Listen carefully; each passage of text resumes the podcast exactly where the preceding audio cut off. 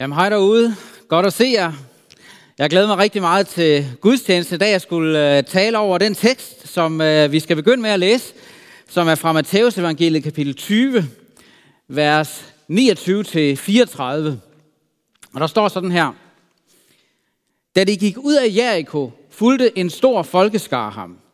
Og se, to blinde, der sad ved vejen, hørte, at Jesus kom forbi, og de råbte, Forbarm dig over os, herre, Davids søn. Skaren troede af dem for at få dem til at tige stille. Men de råbte bare endnu højere. Forbarm dig over os, herre, Davids søn. Og Jesus stod stille, kaldte på dem og sagde, hvad vil I have, jeg skal gøre for jer? De svarede ham, Herre, at vores øjne må blive åbnet. Og Jesus fik medynk med dem og rørte ved deres øjne. Straks kunne de se, og de fulgte ham. Lad os bede sammen.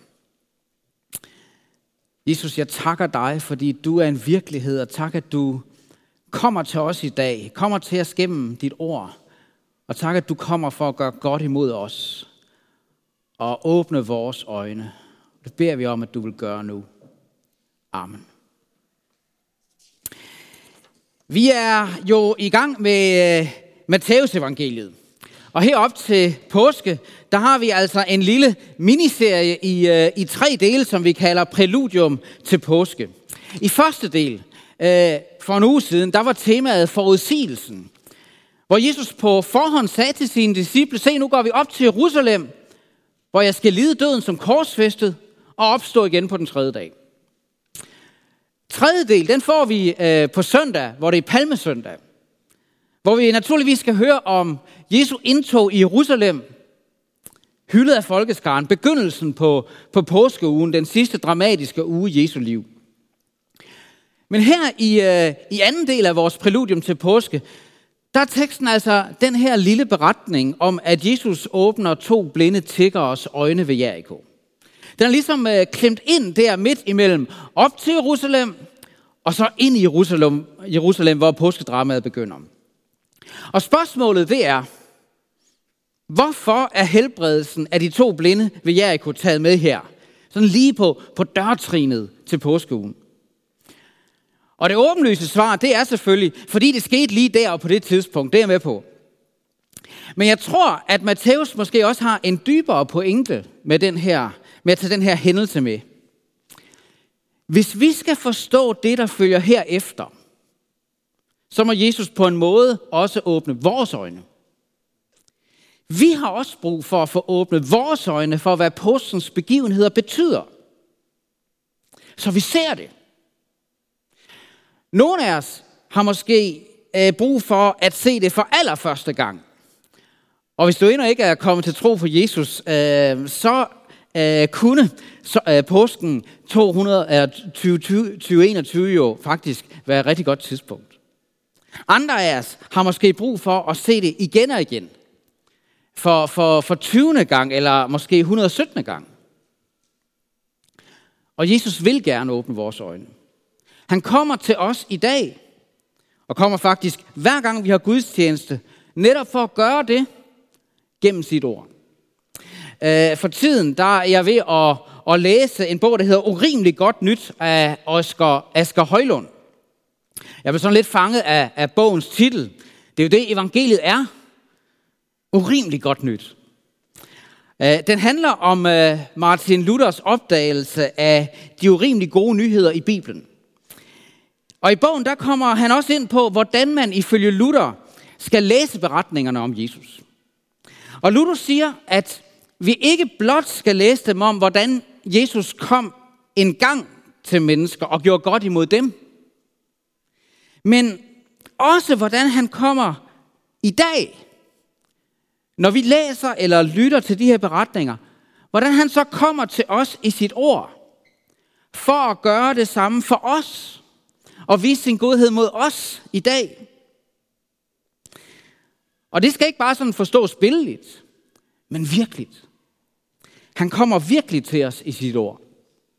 Han kommer også til os i dag for at forbarme sig over os, og for at åbne vores øjne, så vi ser ham. Okay, så lad os øh, se nærmere på den her beretning. Og det første, jeg gerne vil fokusere på, det er de to blinde tiggeres råb i den første del af teksten. Jesus han er altså på vej ud af Jericho, fuldt af en stor folkeskare, og ved vejen sidder der så to blinde tiggere. Og da de hørte det Jesus, der kommer forbi, så råber de, Forbarm dig over os, herre, Davids søn. Og folkeskaren, de har åbenbart ikke ret meget sympati for sådan et par blinde tiggere. Så de tror af dem for at få dem til at holde deres kæft. Men de vil ikke tige stille. De råber bare endnu højere, ikke også? At deres lungers fulde kraft, forbarm dig over os, herre, Davids søn. Og det vi skal lægge mærke til her, det er, at de kalder Jesus Davids søn. Davids søn, det er en anden betegnelse for Messias. Den store frelserkonge af Davids slægt, som Gud i det gamle testamente havde lovet skulle komme engang. De kalder altså Jesus for Messias. Og det er ret få gange i evangelierne, at vi læser om mennesker, der faktisk kalder Jesus for Messias, Davids søn. I hvert fald ikke før indtoget i Jerusalem, som vi skal høre om næste, næste uge. Men de her to blinde tigger, de gør altså. I deres råb, der ligger der altså en tro på, at Jesus er den lovede Messias, Davids søn. Og de var ikke bange for at råbe det ud. Med andre ord, deres hjerters øjne var allerede blevet åbnet, så de var begyndt at tro på Jesus. Selvom de var blinde, så havde de med deres egne øjne set, med deres hjerters øjne set, hvad de fleste andre var blinde for og ikke kunne se. Nemlig, hvem Jesus virkelig var. Davids søn. Messias. Og hvordan kan det være gået til, at de allerede var begyndt at tro det?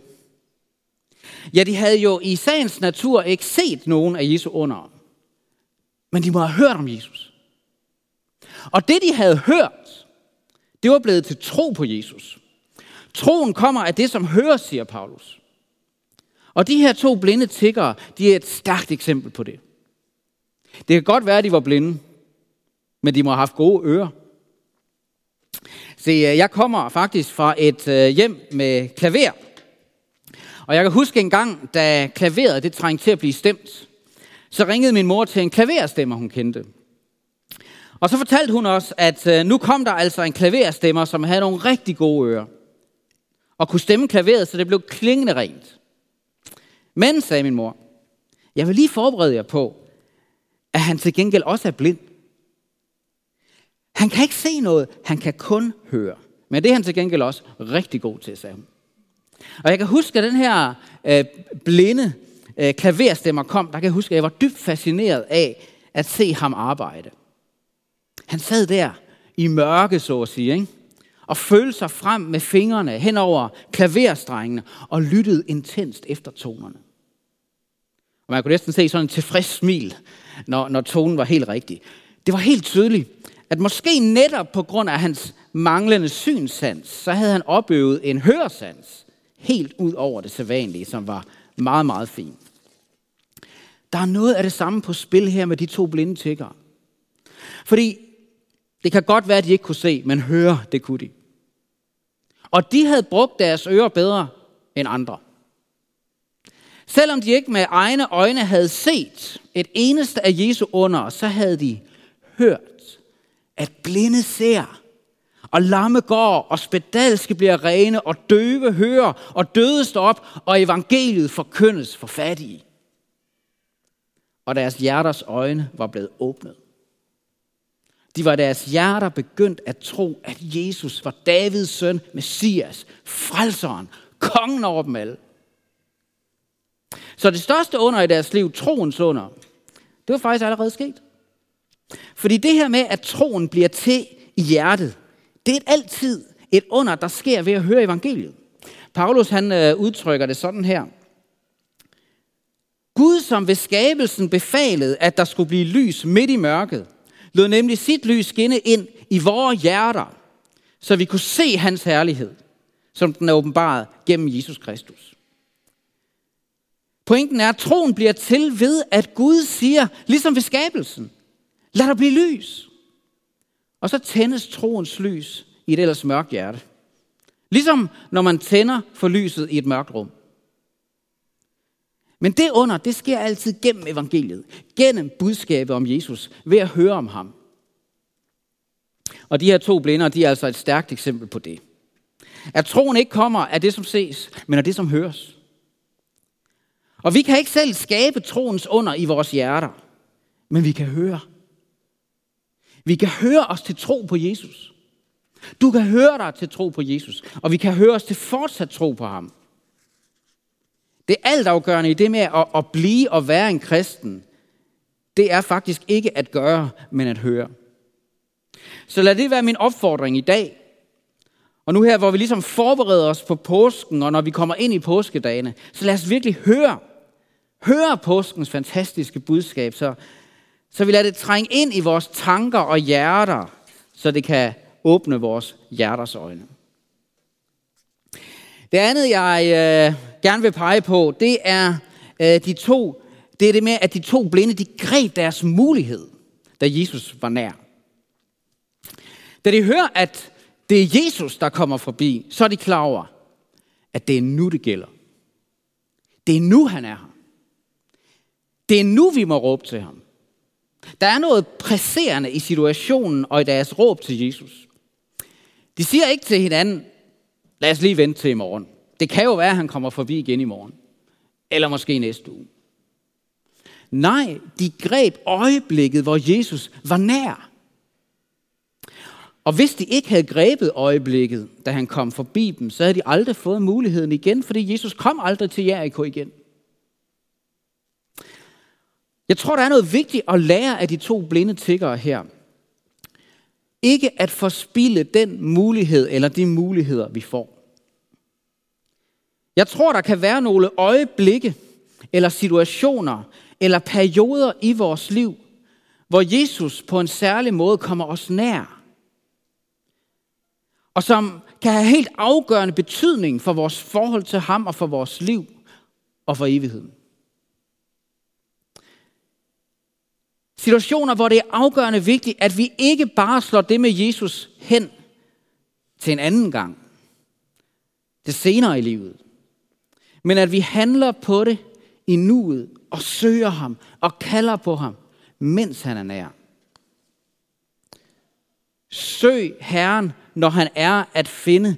Kald på ham, når han er nær, står der i Esajas bog. Og for de to blinde tiggere, der var han i bogstavelig forstand nær nu. Og jeg tror også, der i åndelig betydning kan være tidspunkter i vores liv, hvor det er nu, han på en helt særlig måde er nær. For at vi skal gribe øjeblikket og søge ham og kalde på ham. Det handler for nu at bruge et øh, bibelsk udtryk om at kende sin besøgelsestid. Det er jo et af de mange udtryk, vi har i det danske sprog, som faktisk kommer fra Jesus selv.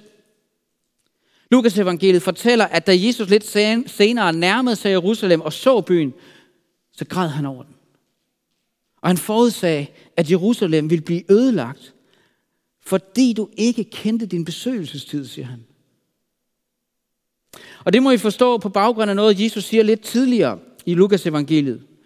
Jerusalem, Jerusalem, du som slår profeterne ihjel og stener dem, der er sendt til dig. Hvor ofte har jeg ikke ville samle dine børn, som en høne samle sine kyllinger under hængerne, men I ville ikke. Jeg ville, men I ville ikke. Det opsummerer ligesom Jerusalems historie. Jerusalem havde haft sin besøgelsestid. Igen og igen havde Gud sendt sine profeter til dem, som forkyndte Guds ord til dem.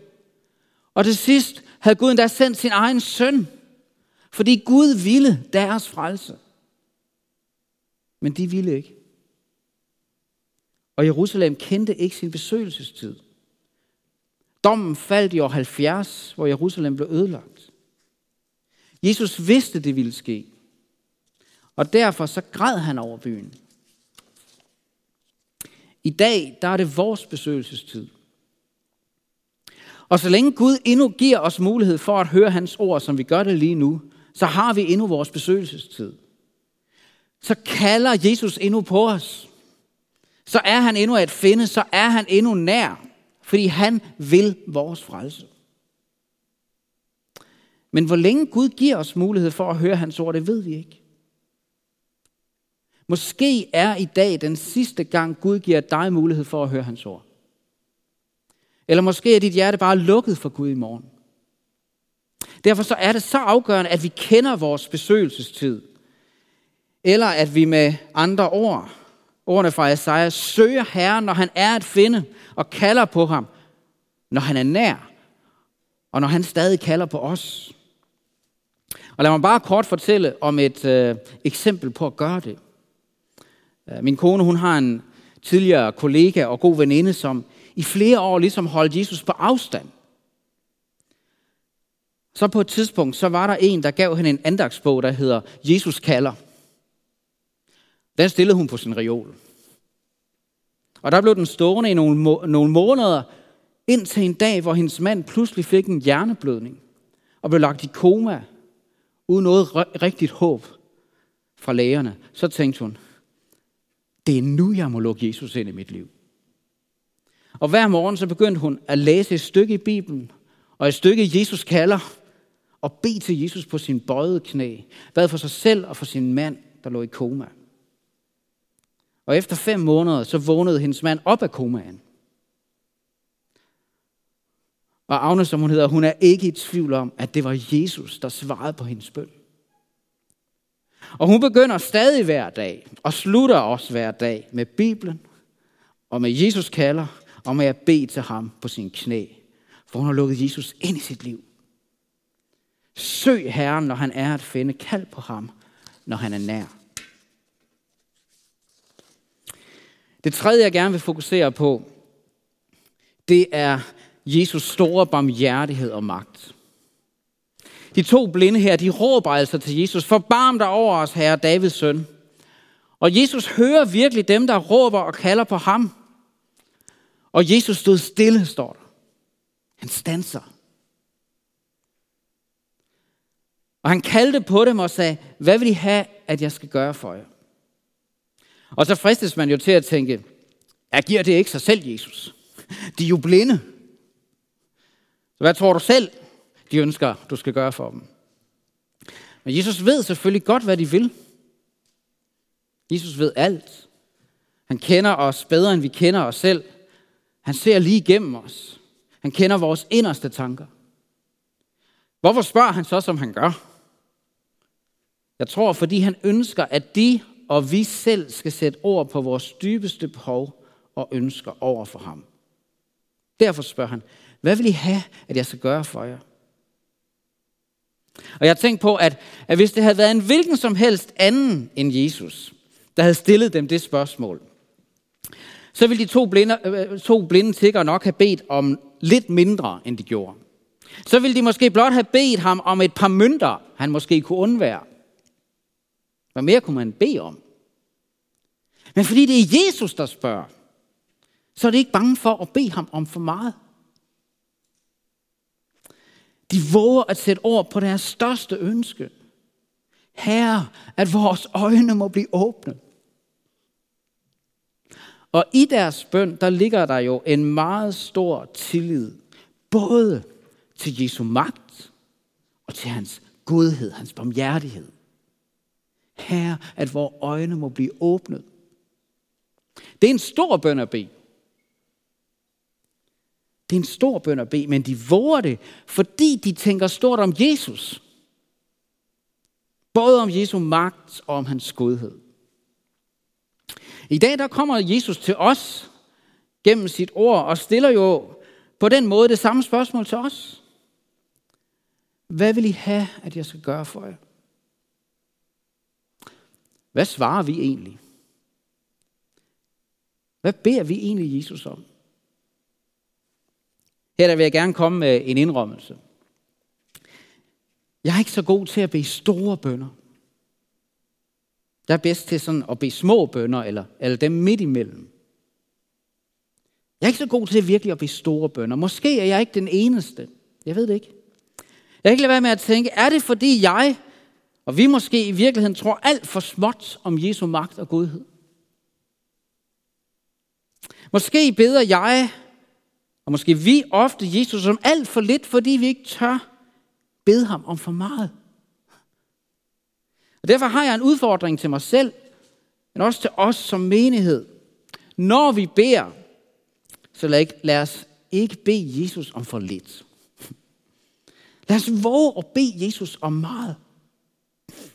Når Jesus virkelig er kongen over dem alle, fuld af magt og godhed, så er der jo intet, der er for stort eller for godt, til at vi kan bede ham om det. Og der er naturligvis ingen automatik i det her. Det er jeg med på.